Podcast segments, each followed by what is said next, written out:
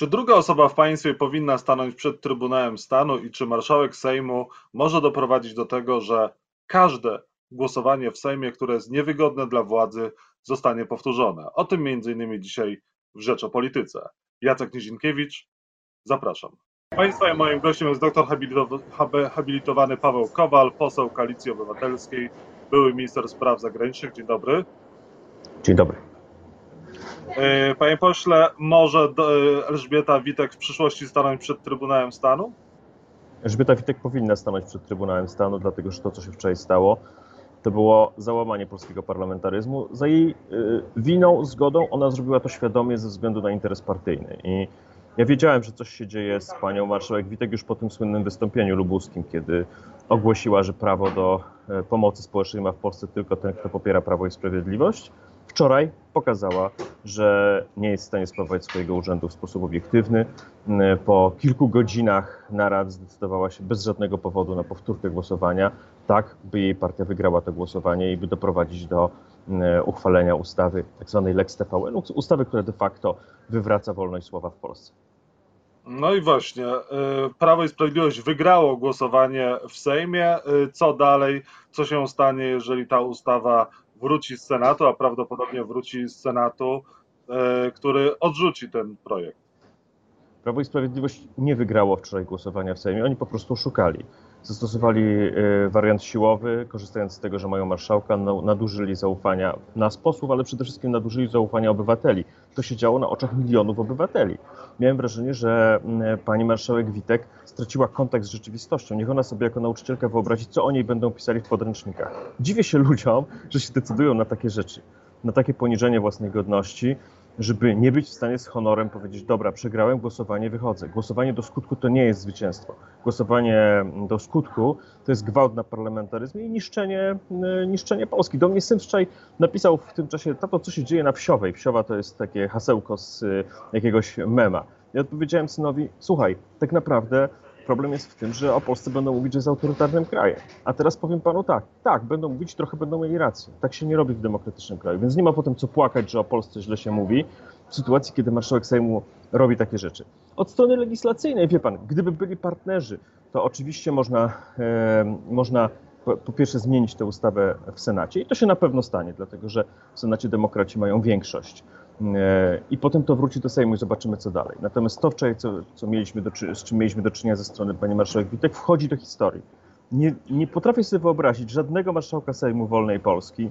E, przecież ona siedzi na miejscu, gdzie siedział marszałek Radej, gdzie siedział marszałek e, Daszyński, gdzie siedział marszałek Szanowski. Jak można w ogóle nie mieć żadnej, Płażyński, jak można nie mieć żadnej wyobraźni historycznej, żeby się decydować na takie mm, upokorzenie? No bo przed sobą ma Jarosława Kaczyńskiego. E, panie pośle, można każdą ustawę głosować do woli, jeżeli się przegra głosowanie w Sejmie? Tak to wygląda? Można sobie przegłosować, że w środę jest piątek? E, pan trochę żartuje, ale to nie jest. E, nie, nie, ja nie mam do żartów nastroju. No bo jeżeli ona może takie coś zrobić z ustawą, to znaczy, że co oni mogą zrobić na przykład z wyborami parlamentarnymi? Jak im braknie 100 głosów, będą powtarzali, tak? Oni pokazali obywatelom kompletny brak szacunku dla prawa i reguł gry. I niech się nie dziwią potem, że jest więcej rozbojów, że, są, że ludzie nie przestrzegają prawa, bo jeżeli marszałek Sejmu, nie na oczach posłów, bo tu nie o posłów chodzi, to było zrobione na oczach milionów Polaków. Ludzie cały czas do mnie pisali, co ona robi, dlaczego ona to robi, gdzie ona ma sumienie. Nie?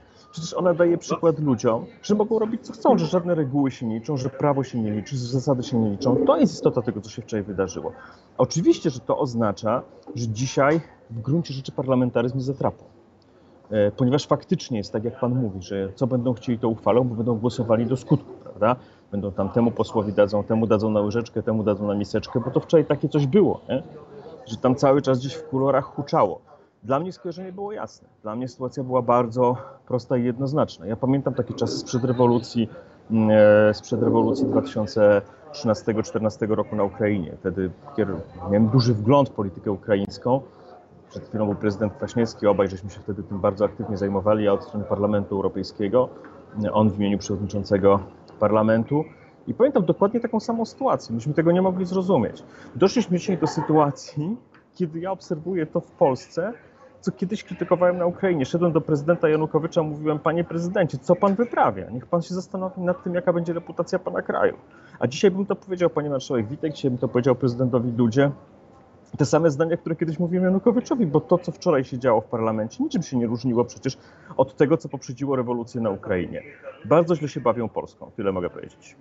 A co by pan powiedział Pawłowi Kukizowi, tym posłom Kukiz 15, którzy jednak zagłosowali inaczej niż zagłosowali wcześniej w sprawie, e, w sprawie przełożenia e, e, obrad Sejmu?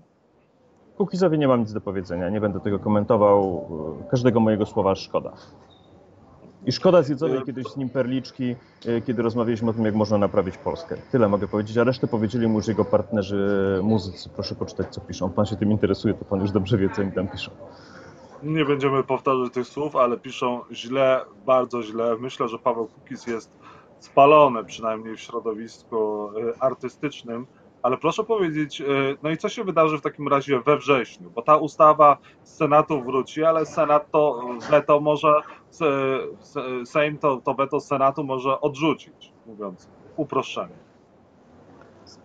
Dzisiaj, dzisiaj obóz władzy nie ma e, odpowiedniej liczby posłów, żeby utrzymać, e, żeby odrzucić weto Senatu.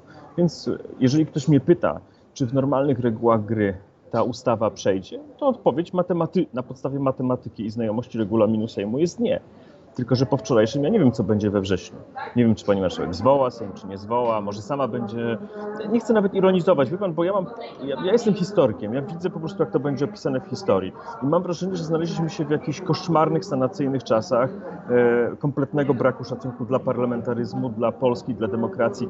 Ona siedzi tam, mówię o pani marszałek, gdzie stał papież e, kilkanaście lat temu, którego oni tak szanują i ja też szanuję, który mówił, że największą zdobyczą Polski jest parlamentaryzm, żeby tego chronić. No nie ma w ogóle żadnych wyrzutów sumienia. Ona nie jest sobie w stanie wyobrazić, czy kiedyś ją, jeśli jest wierząca, święty Piotr zapyta, droga Elżbieto, co ty zrobiłaś w ogóle? Ty wiedziałaś, co robiłaś? Gdzie było dobro wspólne? No, zanim święty Piotr zapyta, to zapytał wcześniej prezes Kaczyński. Ta 15-minutowa przerwa przedłużyła się do dwóch godzin i wiadomo, że nie dochodziło do pewnych... Panie redaktorze, przepraszam, że panu przerwam. Kompletnie mnie to już nie przekonuje. Pani Witek jest dojrzałą osobą, dorosłą osobą która przeszła kawał życia, jest nauczycielką, o ile pamiętam z zawodu. Pamiętam ją zresztą z wcześniejszych czasów. Była to osoba, która miała w sobie jakieś takie poczucie godności. Nie zwalajmy wszystkiego na, na to, że ktoś za nią zadecydował. Ona ma wolną wolę, ona jest dorosła, ona sprawuje jeden z najważniejszych urzędów w państwie i ona będzie za siebie odpowiadała przed historią i przed Bogiem. Panie pośle, jakie reperkusje międzynarodowe mogą być po przegłosowaniu Lex TVN? Bardzo poważne, dlatego że relacje ze Stanami Zjednoczonymi to nie jest tylko kwestia inwestycji, to jest kwestia także współpracy wojskowej, politycznej na różnych polach. Ja się dziwię, i to też jest niepojęte, że oni decydują się na wywołanie e, wojny propagandowej ze Stanami Zjednoczonymi na skalę taką, jak ostatnio było za, za Jaruzelskiego, gdzieś tam w połowie lat 80. Bo w gruncie rzeczy no to, to jest po prostu język, który się dzisiaj używa w stosunku do e, polityki amerykańskiej i Stanów i przywództwa amerykańskiego, to jest język Jerzego Urbana. Ja w ogóle nie wiem, że oni tego nie rozumieją, przecież oni pamiętają historię. To dokładnie te same frazy mówią. E, I to w sytuacji, kiedy bezpieczeństwo Polski wymaga konsolidacji nas wszystkich, żebyśmy szli równo, żebyśmy współpracowali ze sobą, bo tak powinno być dzisiaj. Proszę zobaczyć, co jest za wschodnią granicą. Oni są jak dzieci. Widzą kawałek stołu, nie są w stanie popatrzeć na całość. Proszę zobaczyć, co się dzieje po wschodniej e, naszej granicy. W sensie militarnym my już graniczymy z Rosją. Trzeba myśleć o nowych sposobach zapewnienia bezpieczeństwa kraju, granicy Polski, bezpieczeństwa e, od strony kontrwywiadowczej itd., tak itd. Tak Do tego wszystkiego potrzebni są nam sojusznicy. Natomiast ktoś zdecydował o tym, żeby walić w tych sojuszników i e, e, zniechęcać ich do współpracy z nami. To są niepojęte rzeczy. To są absolutnie niepojęte rzeczy.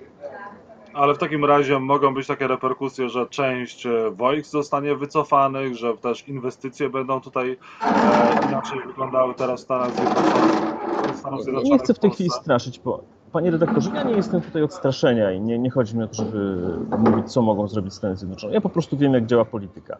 Jeżeli się uderza w najważniejszy, jeden z najważniejszych medialnych koncernów na świecie, nie będę tu robił reklamy, który jest właścicielem TVN-u, opowiada w Polsce, że to jest jakaś mała spółka holenderska, że tam są jacyś Rosjanie, jakieś narkobiznesy, przecież oni to wszystko słyszą. Który koncern na świecie sobie pozwoli na to, żeby ktoś go w ten sposób traktował? A tutaj dodatkowo mówimy o koncernie, który e, jest e, biznesem amerykańskim, jednego z naszych najbliższych sojuszników. Proszę sobie wyobrazić, co by było, gdyby ktoś traktował jakąś polską firmę w ten sposób. Przecież a, a, a Stany są silne, to jest niepojęte w ogóle. Przecież oni to wszystko, mówię o, e, o, o, o tym koncernie, który jest właścicielem TVN-u, przecież to się rozchodzi wśród pracowników. W Polsce jest jedna z najważniejszych dyrekcji tego koncernu. To wszystko idzie w świat. Już pomijam te kwestie polsko-amerykańskie, o których dwa słowa powiedzieliśmy i zakładam, że prezydent Kwaśniewski o tym mówił, ale też po prostu zwykła opinia o Polsce. Można wydać miliardy potem na Polską Fundację Narodową, jak się wyprawia takie rzeczy wobec tak wpływowej instytucji i to bez żadnego powodu. E, panie pośle, e, i na koniec, e, jak będzie to wyglądało teraz we wrześniu? Czy opozycja ma jakiś pomysł, ma jakiś plan, żeby no, zatrzymać ten, ten, ten, projekt ustawy, tę ustawę i czy Zjednoczona Prawica bez Jarosława Gowina ma jeszcze tę siłę do przegłosowywania Polskiego Ładu, czy to będzie, czy rozpoczął się może taki proces gnilny władzy? Oni są jak Związek Sowiecki pod koniec lat 70., czyli to jest kolos. Wydaje mi się, że wszystko mają, wszystkie instytucje, ale są na glinianych nogach. To wczoraj było widać. Nie radzą sobie z większością. E, naszą rolą jest e, dążyć do wyborów. My musimy rozumieć, że w tych wyborach musimy być lepsi niż zwykle jako opozycja, bo nie ma już równych reguł gry w Polsce, nie ma sprawiedliwości. Trzeba grać trochę na takiej zasadzie, że oni są w korkach, a my na bosaka, e, ale nie ma innego wyjścia. Opozycja nie jest od tego, żeby płakała i mówiła, że jest jej źle.